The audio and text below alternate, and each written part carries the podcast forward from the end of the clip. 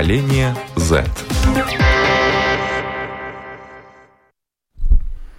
Здравствуйте, с вами Марина Талапина, режиссер программы Роман Жуков, звукооператор Том Шупейко. И спасибо, что слушаете нас, спасибо, что подписываетесь на нас, смотрите нас на Ютубе, Фейсбуке, Инстаграме. И также это можно делать в подкастах э, на Ютубе на Ютубе, на э, нашем сайте lr4.lv, в Spotify, в Google, в Apple подкасты. И, э, как всегда, мы уже выходим третий раз в прямом эфире, поэтому вы можете писать нам, уважаемые э, слушатели, зрители, э, кликайте на нашем сайте «Написать в студию» и пишите нам, задавайте свои вопросы. Тема у нас сегодня будет «Ох, горячая».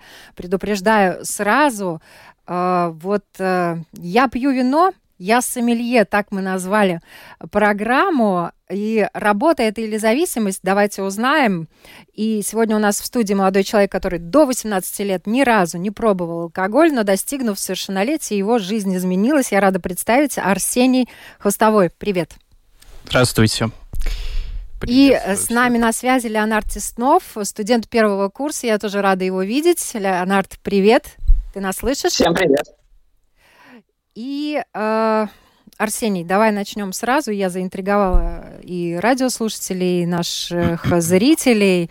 До 18 лет ни капли алкоголя. После 18 лет твоя жизнь изменилась. Благодаря чему? Что подтолкнуло тебя на путь распития спиртных напитков?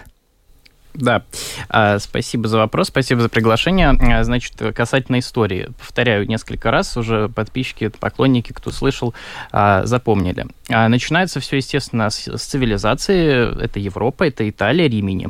Ты знаешь, вот. я думаю, И... что об истории нет, нет, распития нет, алкогольных нет, нет, нет, напитков... Я про свою историю рассказываю, минуточку, я про свою Хорошо, историю рассказываю. давай. Да, только а, о себе. Да? да, я только о себе, я просто упомянул, что это цивилизация. Так вот, отправляюсь в Италию, летом. И в Италии было жарко, и, соответственно, гости семейных ресторанов пили вино. Очень часто белое вино находилось на столе. В связи с этим появился интерес, почему вдруг такое происходит. Потому что в Латвии я такого не видел так часто, прям вот на каждом столе.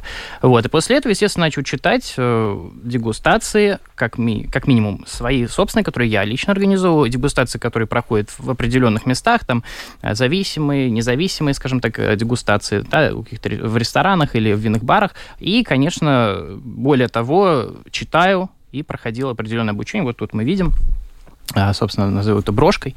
Вот. Так как бы все началось, если вкратце.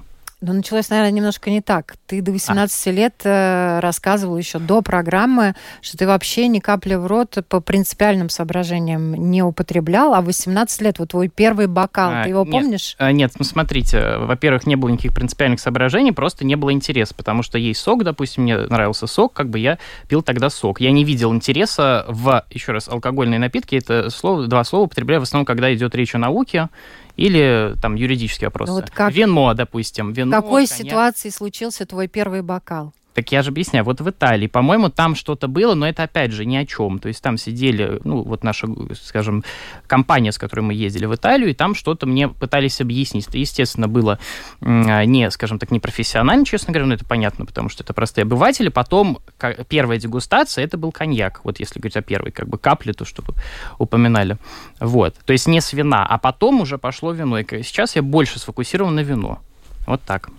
Сейчас ты его достаточно часто употребляешь? Ну, э, смотрите, опять же, вот если в ресторане прихожу, там можно заказать бокал, то не всегда. Э, в среднем, вот, э, как я сейчас посчитал, начиная с 1 ноября, потому что там очень интересные находки получались, и надо было это все делать, и эфиры с экспертами проводить, соответственно, у меня выходила примерно неделя, одна бутылка на неделю, но, опять же, одна бутылка это просто статистически, то есть это не 750 миллилитров, которые я выпиваю, там, с кем-то, я кому-то могу отдать, могу вообще вылить, потому что мне надоест и так далее. Потому что вино в течение трех дней надо желательно выпить, вообще один было бы замечательно, но развивается. Поэтому я оставляю чуть подольше. Вот так. В еду можно добавлять и все. То есть это не то, что вот бутылка, значит, все. Это касательно Но статистики. ты не просто начал употреблять алкоголь, э, ты решил э, э, ну, узнать об этом побольше и узнать от людей, которые его употребляют. Ты поехал учиться для того, чтобы вообще разбираться в а, алкоголе. А, во-первых, первое, я учился здесь. Две винные школы общие. То есть, как бы скажем, ввод и потом э, по Франции. А далее уже лондонская. Но это было онлайн, но, опять же, это не местечковое, а именно там. То есть там учителя были конкретно, которые в Лондоне преподают, и все. Вот. И там это, собственно, тоже как бы, можно сказать, и база, плюс база еще дополнилась моя, которая уже угу. на тот момент была. То есть вот тебе так. сейчас 20 лет, и ты сейчас уже разбираешься в винах правильно? Ну, а что вы понимаю. подразумеваете под раз, э, развиваешься? Видно? Не развиваешься, а разбираешься, Ой, да, разбираешься, Да. ты их описываешь, ты себя называешь сомелье. Ну, я в основном все-таки вот... То есть просто- человек, который рекламирует и, и помогает продавать спиртные А, напитки. Нет, я, во-первых, я не работаю в этой сфере. Это принципиально важно упомянуть, как вы тоже ранее э, говорили. А, Я более говорю, что это популяризация винной культуры, поскольку я как только какой-то Ну, напит- популяризируешь, напиток, да, напиток я да. Продегустировал, я о нем пишу, я о нем рассказываю, мои подписчики говорят, замечательно, все, я пойду куплю и так далее. То есть это в этом плане происходит. Эфиры Ну, с экспертами у меня проходят. по сути, по сути, Просто людям... это называется реклама э, вин, да? Ну, это не реклама. Реклама вин, это если... Но если люди подумают, попробуют, почитают и захотят купить, то есть ты помогаешь, способствуешь продаже Нет, ну Вин. смотрите, еще раз. Во-первых, начнем с того, что у меня нет никаких контрактов и каких-то вот таких обязательств. Я просто, если Ну, вот то я... есть ты даже на этом а, не зарабатываешь а, пока ну, еще. правильно? единственный материальный прирост это то, что мне поклонники могут подарить рижские, э, либо прислать из-за границы поклонники, либо знакомые винодельни. То есть Мгм. это вот, вот материально, что касается этого. По поводу рекламы, это не реклама, я просто еще раз говорю, вот я готовлю пасту, я покупаю себе вино к пасте, заодно рассказываю, люди рады, и все. Приглашу эксперта из региона, мы с ним обсудим этот регион, все послушают. Ну, Вот так. популяризация. Да, популяризация винной культуры, Слово поэтому это рекламу это я правильно. поменяю на популяризацию. Хорошо, Да. Леонард, вопрос к тебе. Ты у нас первокурсник. Да. Я надеюсь, у тебя там вода в стакане? Это bubble, bubble tea. Хорошо, ну не алкогольный Это напиток. Но, тем не менее, ты знаком с алкогольными напитками уже?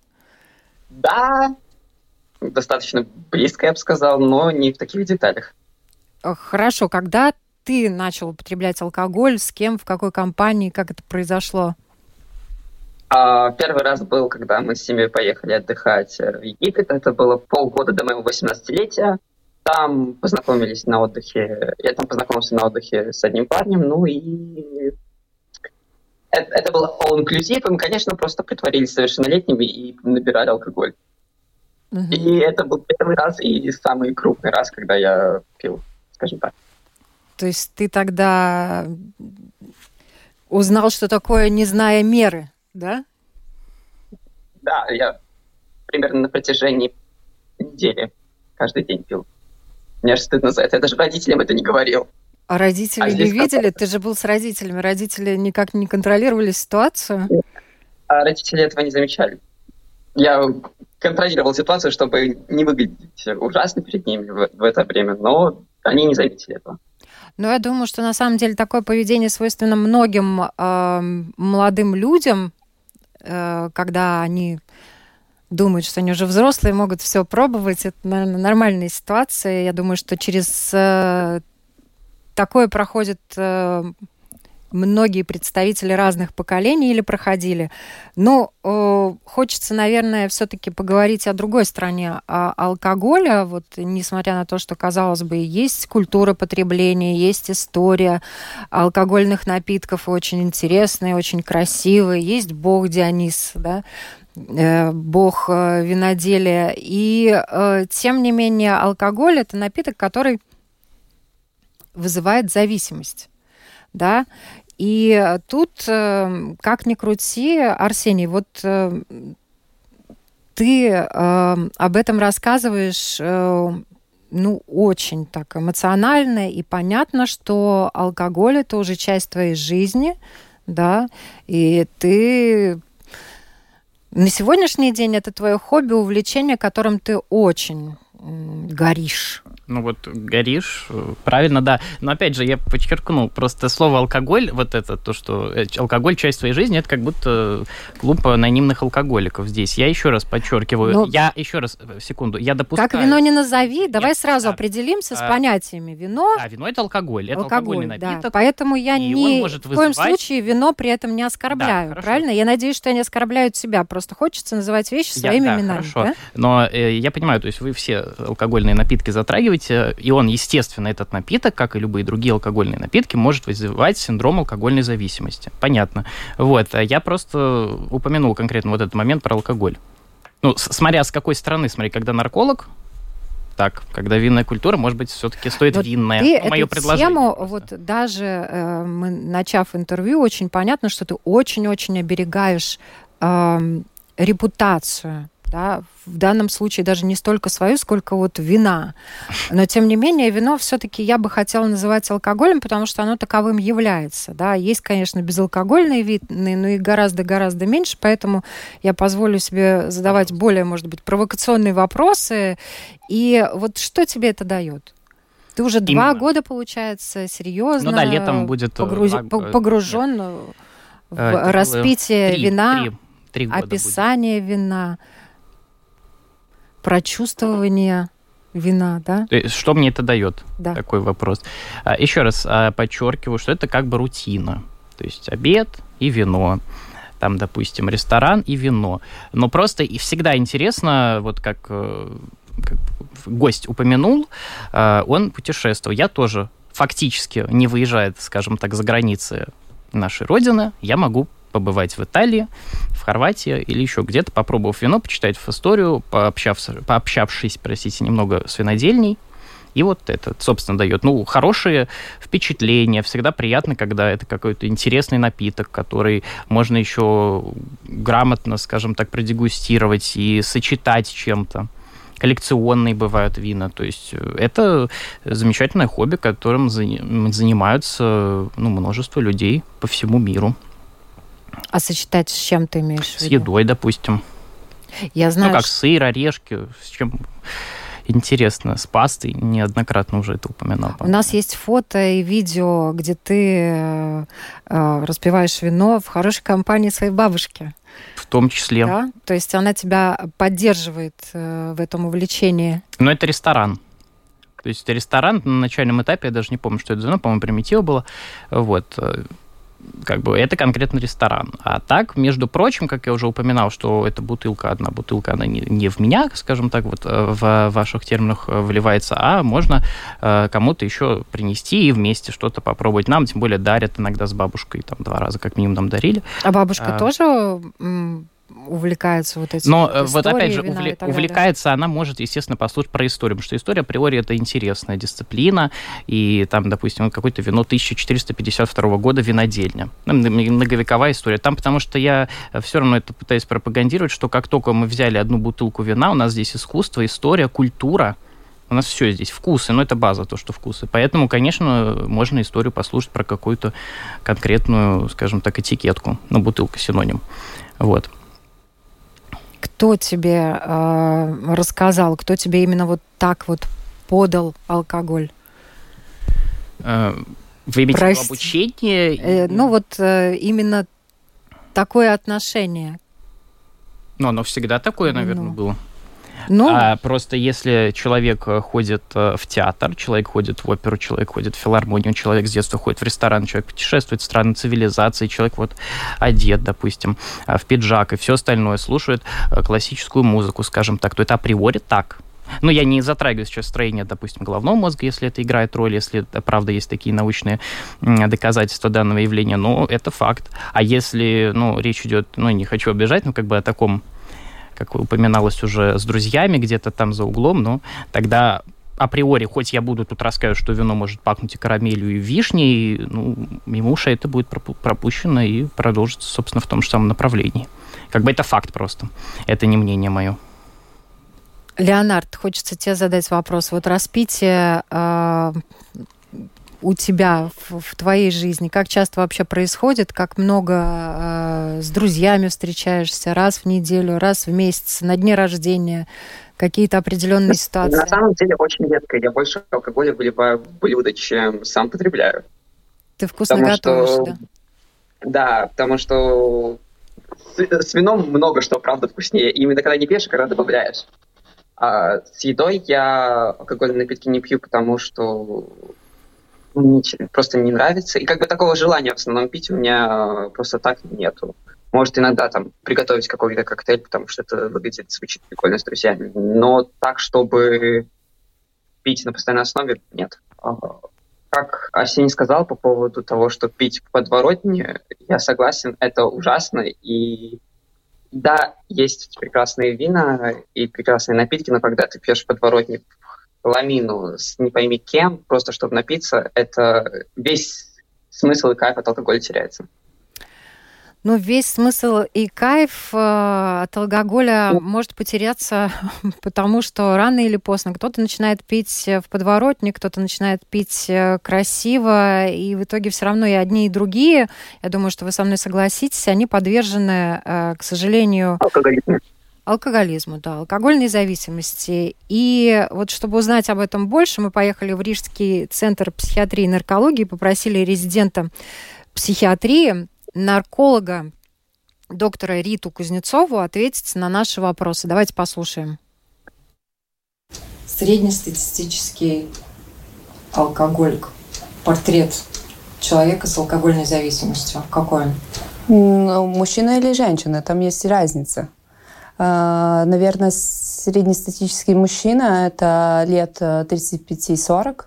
40 вообще такой интересный возраст, э, как бы это уже люди с зависимостью, которая абсолютно оформилась. И э, тут уже разные бывают сценарии, как, э, как этот мужчина в этом живет. У женщин это бывает даже раньше, но это зависит не от возраста, а от событий, наверное, больше в ее жизни. Э, немножко отличаются это среднестатистические мысли, э, связи с этим как бы мужчина или женщина.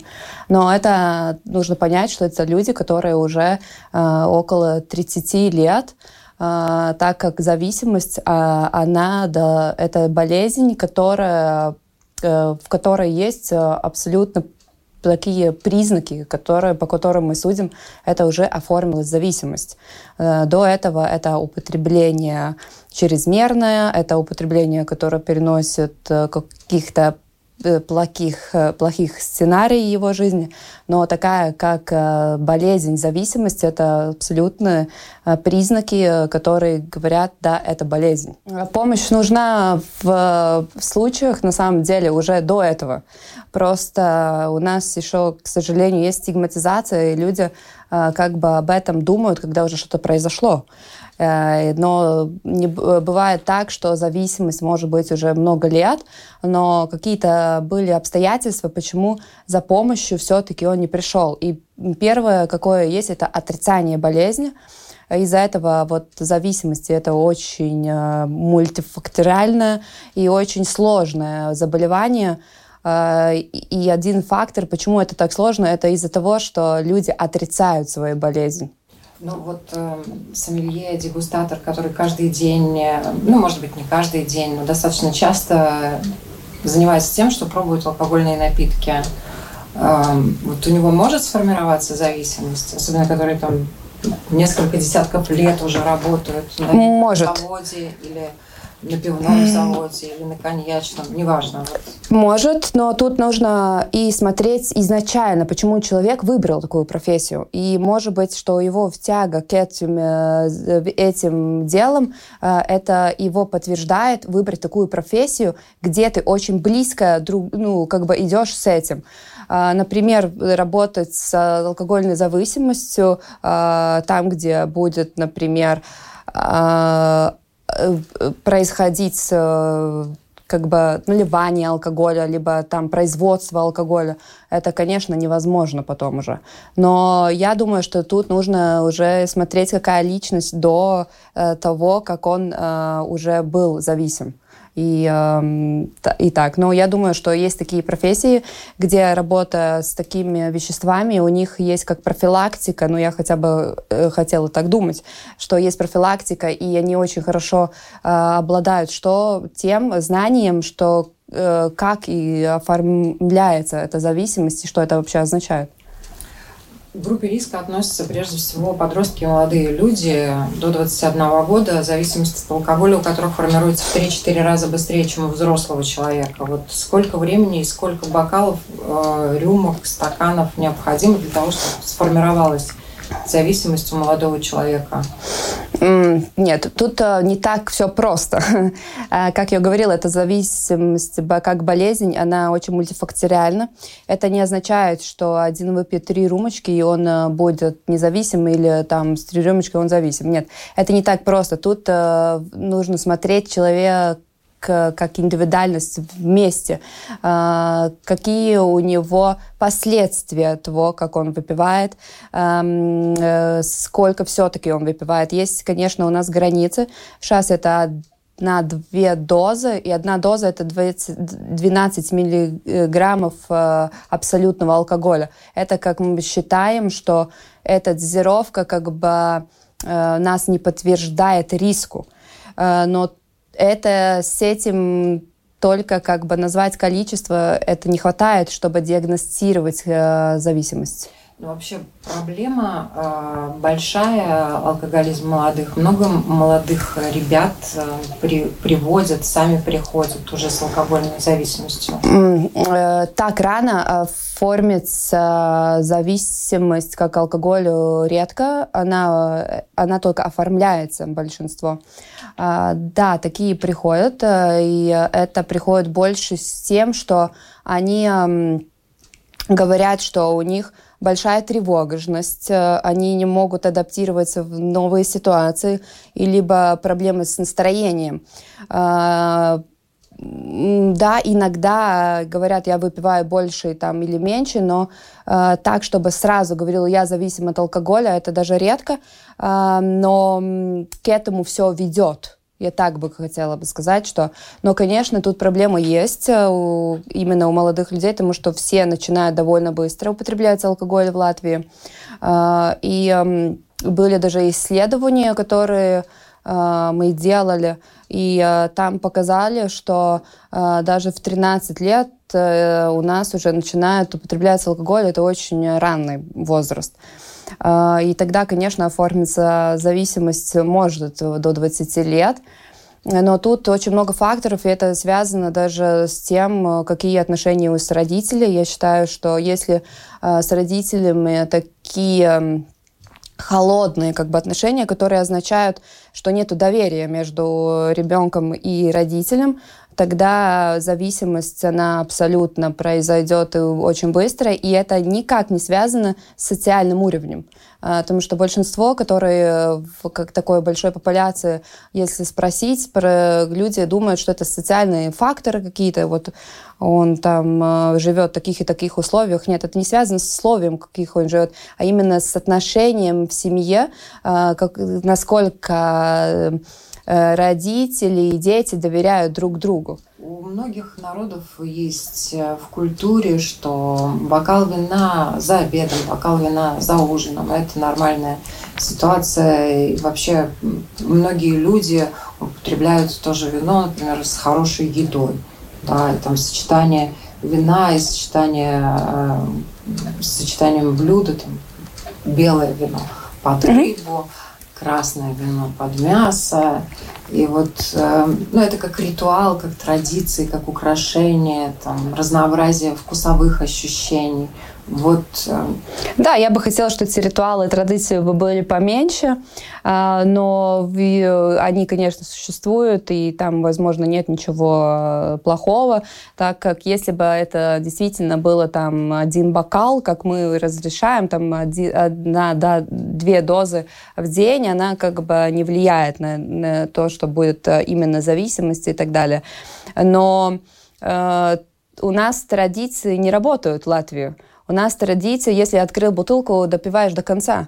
И э, с чем это связано, трудно сказать, но я смотрю, что ритуалы, традиции, они очень, э, мы плохо обладаем этими ритуалами, традициями, и тогда, возможно, вообще не нужно вот такие традиции соблюдать. Вообще ваше напутствие людям, молодым особенно, а, не хочется, конечно, нравоучать, но вот, э, что вы им сказали?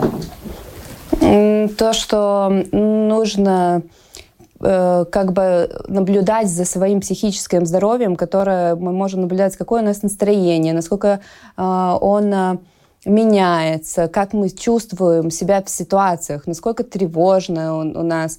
И изначально не бояться об этом говорить, э, но найти себя человека, который будет, выслу, может выслушать это и понять тебя, э, и обратиться сразу, что если я чувствую себя плохо, не искать это в алкоголе или в другой зависимости, э, которая может ну, привести к зависимости, но э, обсудить это с людьми, которые тебя окружают.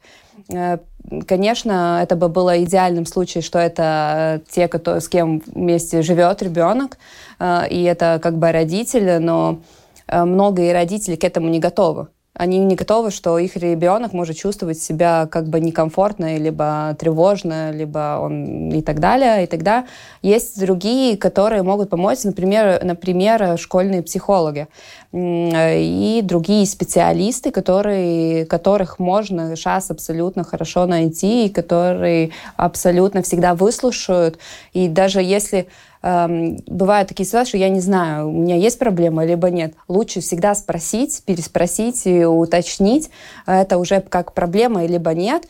И если и это решать сразу, когда это э, происходит.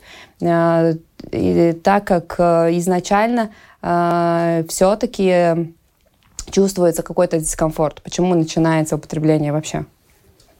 Спасибо большое. Пожалуйста.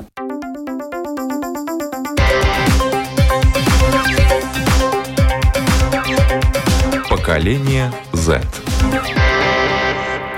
Врач-нарколог, резидент э, психиатрии Рижского центра психиатрии, э, психиатрии и наркологии Рита Кузнецова нам также рассказала, что часто это заболевание, алкоголизм, да, э, когда это уже зависимость. В семьях она встречается там, где дети были либо предоставлены сами себе, либо их гиперопекали да, и алкогольная зависимость, как и любая зависимость, это хроническая болезнь на всю жизнь, и человек с ней живет, просто некоторым удается не употреблять алкоголь до конца жизни, когда они дошли до той стадии, осознали, что это пагубно для них, это их разрушает, их личность деградирует, тогда они вот, некоторые из них все-таки становятся на путь для себя, наверное, в первую очередь истинный, и э, умеют совладать прибегают к помощи специалистов и так далее.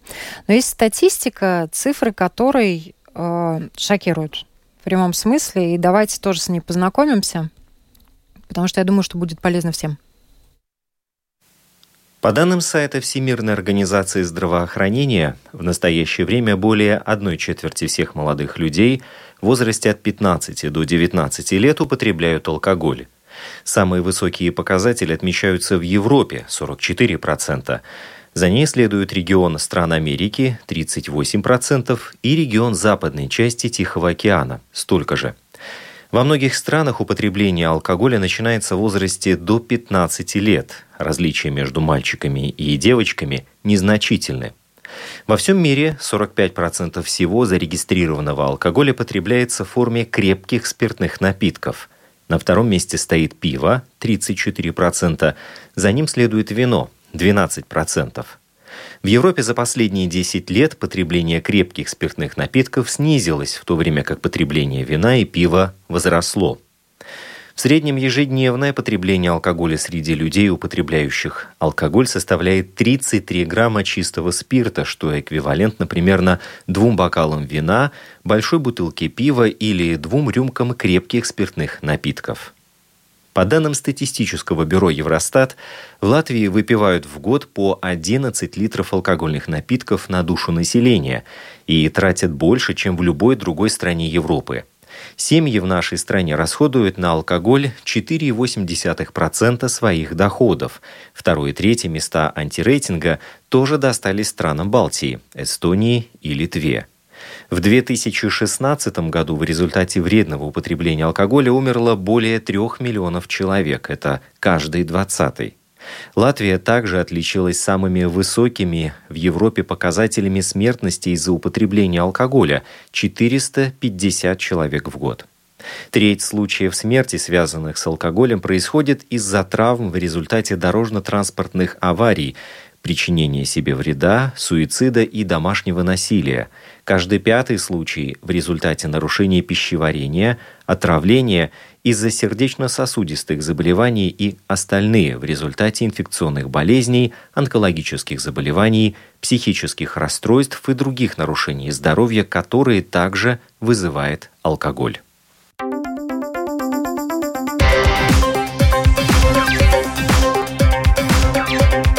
Поколение Z.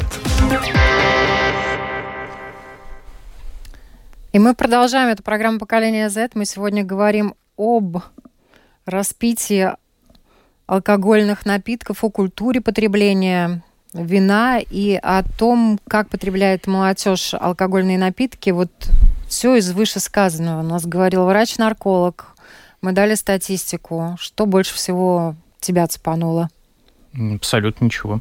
Меня цепануло только то, что это однобокий э, сюжет, поскольку видеоматериалы э, демонстрируют только женщин и мужчин, которые находятся в состоянии алкогольного опьянения, которые Но лежат... Это мы Нет, говорили про Нет, алкогольную я понимаю, зависимость. Я, я хочу сейчас мы не договорить. говорили про... Я понимаю, я хочу просто договорить. Мы говорили про последствия. Я хорошо. понимаю, э, смотрите еще раз. Вот я же правильно употреблял алкогольные напитки? Ну, правда? Правда. Я сейчас вот как, я там вот так, да, я просто сижу, адекватно себя чувствую. Я просто про то, что там был только один фрагмент, где люди праздновали, абсолютно адекватно. Семейный праздник, там, не знаю, что люди религиозные какие-то празднуют, Рождество или Новый год, или день рождения, любое. Цифры, статистика. А, я- Тебя что-нибудь удивило? Нет, абсолютно не удивил. Я это недавно читал на, э, на портале новостном, что мы на каком-то первом месте, о чем, собственно, и было упомянуто в данном сюжете. Я просто про то, что там показывали конкретно вот эти случаи плохие, о которых говорила ну, да, результат, нарколог. Ну да, а почему алкогольной зависимости. сюжет это просто комментарий не сделать бы, чтобы вот день рождения, безусловно, и ДТП, безусловно, и кто-то там валяется, но и красиво, и сомелье, и все. Ну, то есть, опять же, две стороны. Плохо и хорошо. Я это Хорошо, говорю. хорошо. Расскажи мне про хорошо. Расскажи мне про Что- хорошо. что У именно? тебя вот Я есть не две понимаю. минуты. Да. Хорошая сторона алкоголя. Эм, Хорошая сторона не алкоголя, а алкогольной зависимости. Ее нет. Это алкогольная зависимость, это заболевание. А какая хорошая сторона там? Ну вот ты Э, раскритиковал в пух и прах наш сюжет. Нет, я просто упомянул конкретно про медиа-контент, который был опубликован и который я только что увидел, поскольку там, еще раз подчеркиваю, один, по-моему, был э, видеоролик, где праздник адекватно. А остальные все ДТП и все это. Опять же, я подчеркиваю. Начинается все с праздника. А заканчивается Нет, хорошо, но я просто... в трех миллионах просто- случаев. Да, я, безусловно, на- для кого-то, наверное, для врачей это На страшная статистика. Хорошо. А, вот, Тебя это не шокирует? ну, я посмотрел, для меня это цифра. Дальше. Хорошо. Леонард, для тебя а, вот статистика, вообще все э, результаты алкогольной зависимости, которые были выше перечислены, это и болезни, и э, суициды, и э, бытовые травмы, которые люди друг другу наносят э, в результате того, что напились и э, ругаются, и отравление организма алкоголем. Вот тебя что-то шокирует? Вот что тебя больше всего пугает в алкогольной зависимости? А, Меня пугает то, что второй бокал вина уже несет физический вред организму. И то, что как бы алкоголя мало надо, мало надо, чтобы навредить организму, и, не- и мы не понимаем, когда надо остановиться, чтобы стать зависимым. Чтобы не стать зависимым. Вот это Э, меня пугает. Для каждого, к сожалению, эта доза, она тоже индивидуальна, как сказала врач, да. Одному хватит и двух рюмок, чтобы уже подсесть, да, а кто-то может регулярно, раз в неделю Мгм. или там раз в день, например, бокал выпивая э, при хорошей еде и да, наверное, в этом есть какая-то зависимость, но она, по крайней мере, не будет пагубно влиять на его жизнь в целом этого человека. Вот э, Какие ты э, перед собой э, ставишь вообще э, цели и задачи, когда позиционируешь алкоголь как хороший напиток? Ты вообще э, игнорируешь то, что любой человек, который берет э, в руки бокал, может не остановиться, и последствия могут быть очень плачевными. А, так, а, опять же, начинаем с самого начала. Алкоголь. Я не говорю, что это слово не надо употреблять, оно подходит. Я его не могу априори рекламировать, потому что это вред, как нам Его сказал... А, я- Нет, я конкретные напитки позиционирую. Как сказал врач-нарколог, А за те что- конкретные Сейчас напитки можно- не можно вред. я договорю? хочу немножечко, Нет, чтобы ты... Любой напиток, в котором, э, в составе которого есть соответствующий спирт, N, он вреден здоровью. Я еще раз говорю, нарколог это говорил, благодарим ее. Это было очень хорошо, я на это хотел еще в ноябре послушать.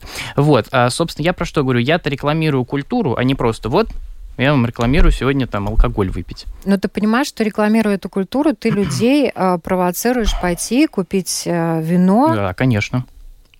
Я более того говорю, вот я зашел, там гуляю, гуляю, зашел в магазин, ой, хорошая скидка, хорошая цена, замечательный год, все, сфотографировал, отправил. У меня подписчики, все замечательно купила, там я пошел, все, спасибо. Да, безусловно, ответ как бы положительный на ваш вопрос. Касательно того, что я побуждаю к приобретению. Как и в и ресторанах. И официанты такие плохие, приобрести... и сомелье наши тоже, Нет, оказывается. Почему? почему? Приобрести и поставить на полку, никто же не ставит вино на полку. Давайте будем реалистами. Ну да. Ну, так я же не просто сфотографировал, э, чтобы купить себе бутылочку, чтобы стоял. Я же с целью, чтобы они это попробовали. Иначе бы я не придумывал а, букет, какой там, собственно, не то, что я ощутил, э, я же бы этим тогда не делился, что там вишня, малина, подлесок и все остальное. Я бы эти, эти слова вообще не упоминал. Просто красивая бутылка, этикетка. Некоторые бутылки бургундские, допустим, замечательный регион, там красивые этикетки. Но можно отдельно покупать, если кому-то нравится. С точки зрения декора, как я уже упоминал, в, в напитках, э, чуть не оговорился, алкоголь чуть не сказал, в вине а там как раз-таки все темы, в том числе и вот, скажем так, искусство, декор можно поставить красиво, чтобы в готическом стиле это все искусство, выглядело. декор, но сомелье — это отчасти достаточно уникальные люди, их не может быть много, да, конечно, могут люди участвовать в разных дегустациях, и они делаются везде, в том числе уже в Латвии, да, но вот сомелье — это, мне кажется, такие люди единичные, которые обладают э, э специфической памятью, Э, на вкусовые ощущения, они могут отличать разные оттенки и так далее. Тебе Бог э, одарил вот этим талантом? Ну, а про Бога, я думаю, тут э, не стоит это упоминать, поскольку это абсолютно другая история. У нас есть наука, а это первое. Второе, а сомелье, все-таки я хотел бы это слово конкретно прокомментировать. С французского сомелье, как бы лексическое значение слова, это в ресторане, кто работает. И люди, базовые люди, скажем так, база, вот кто, ну, как бы простой обыватель, они, это часто слово на всех грек, кто чуть-чуть даже знает про напиток напиток. Ну, кто вот. приносит да. себе вино и Но, как я ранее упомянул, я скорее сомелье, больше, да? вот как вы э, читая, зачитывали про популяризацию винной культуры. Но вот новое, на мой взгляд, э, как бы, скажем так, с вашего рекомендации, во время эфира хранитель винной культуры, возможно, можно себя так назвать, если видите, я пришел вот отстаивать, так сказать, немножко винную культуру. Поэтому вот и сомелье, опять же, подчеркну, скорее всего, это в основном ресторан и частные сомелье, которые себя так позиционируют. Но, опять же, много э, слишком Пугачевых, которые и сомелье, и эксперт, собственно, эпидемиолог, и все остальное, политолог. Вот, здесь важно.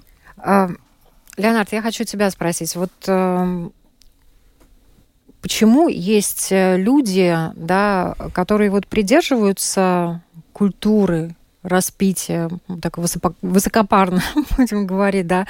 Некоторые действительно, ну, хотят поставить перед собой хорошую еду, да, и там бокал вина, но их же гораздо меньше, чем тех людей, которые побежали в магазин, купили бутылку и не остановились, потом побежали еще и так далее, особенно в среде молодежи. Э, я понял, про что ты говоришь. Э, я думаю, потому что они хотят не вкусом насладиться, а уйти, а напиться до потери сознания и, и забыть о всех своих проблемах. Как э, многие сейчас говорят, как, как говорят некоторые, то, что, мол, алкоголь помогает справиться с, проблем, с проблемами в жизни, то, что они, забы, они забывают, в чем проблема, и они, условно, на это время расслаблены, и мог, им легче жить дальше. И Но среди... они поэтому среди, среди людей, которые употребляют алкоголь, как и доктор, э, нарколог сказала, что там подвержены этому все группы лиц. И я знала очень замечательного ресторатора из Сомелье, который обладал э, совершенно уникальной способностью, именно памятью вкусовой и в течение там дегустации совершенно спокойно мог сказать, сколько градусов не хватает вину, чтобы это блюдо раскрылось еще лучше. И, к сожалению, к превеликому, этот сомелье с абсолютно уникальными филологическими способностями, абсолютно уникальными вот этими вот э, вкусовыми, э, вкусовым дарованием, умением описать все, что он чувствует, умением оценить, сказать, что где, в каком блюде не хватает, что не хватает вине, или наоборот, оно достойно быть рядом с этим блюдом. К сожалению, эм, количество выпитого алкоголя этим человеком стало зашкаливать, и в один прекрасный момент, увы, алкоголизм, болезнь э, его постигла. Вот где та грань? И совершенно же не важно, человек сидит передо мной в пиджаке или в свитере, да, там, ну, неважно. Если он приходит домой, э, и каждый день это делает, и там не бокал, а два, а три уже появляется и так далее. Он же все равно может красиво спиться. Ну, алкоголиком можно быть и будучи, э, и когда ты пьешь дорогой, э, дорогие напитки. Конечно, Просто... да.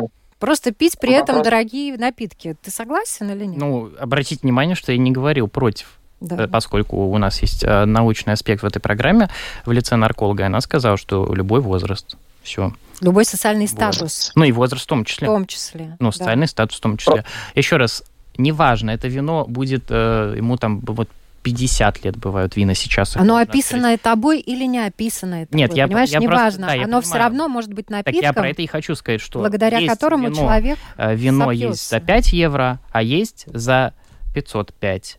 И это алкоголь, тут есть спирт, в составе тут есть спирт. Оба губительны для организма. Точка. Это научный факт. Просто это уже, он уже был озвучен. Любое, неважно.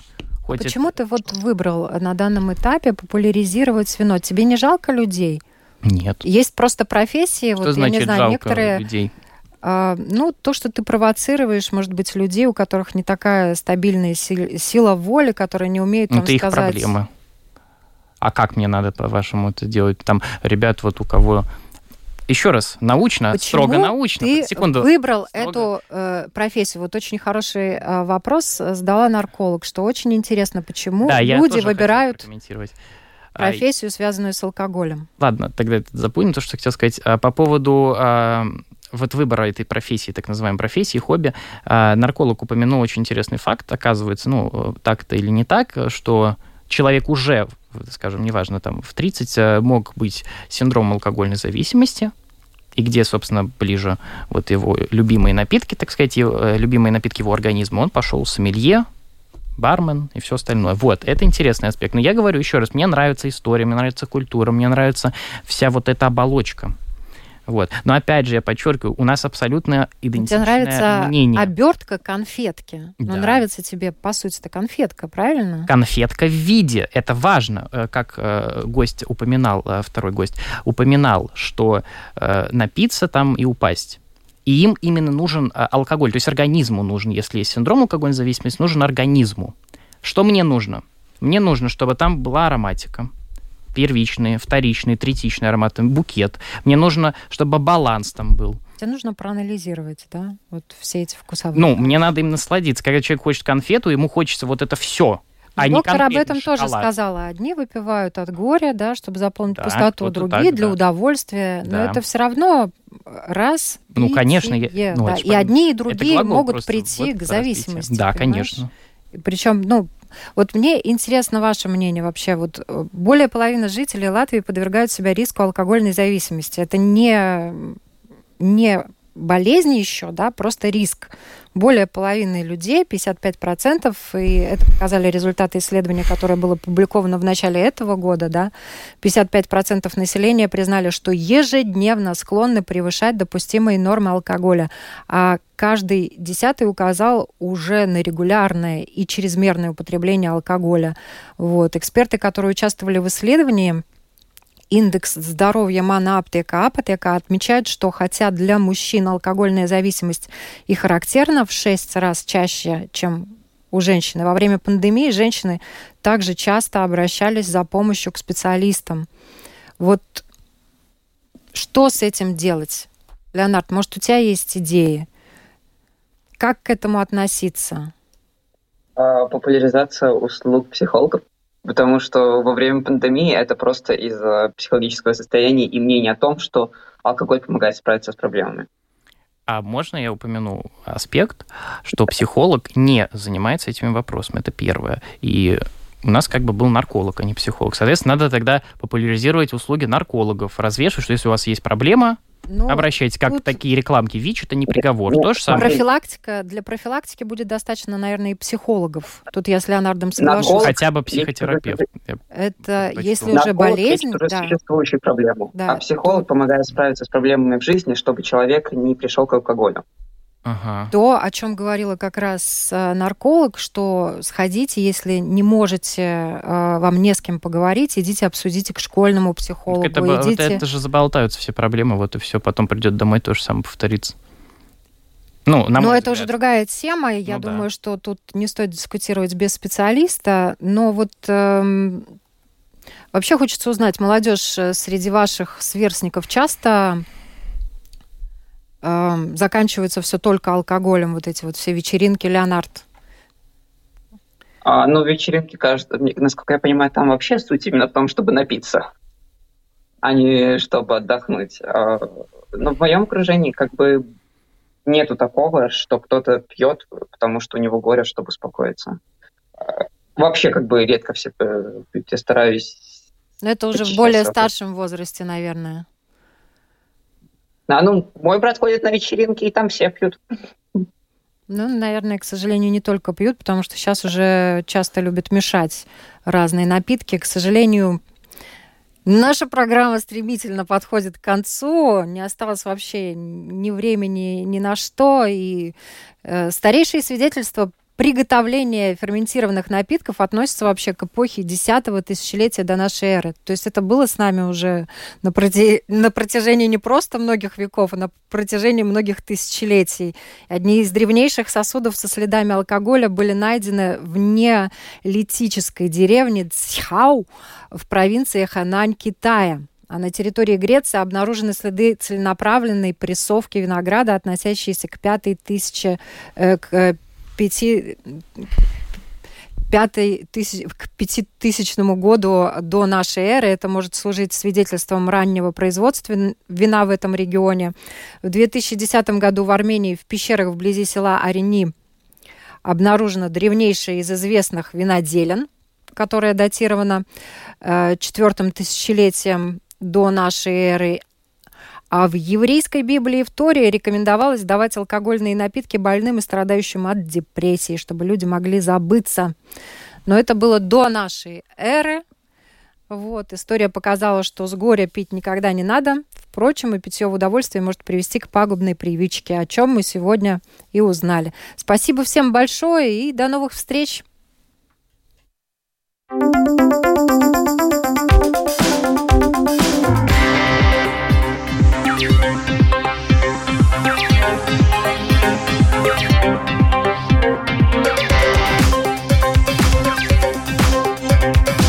Поколение Z.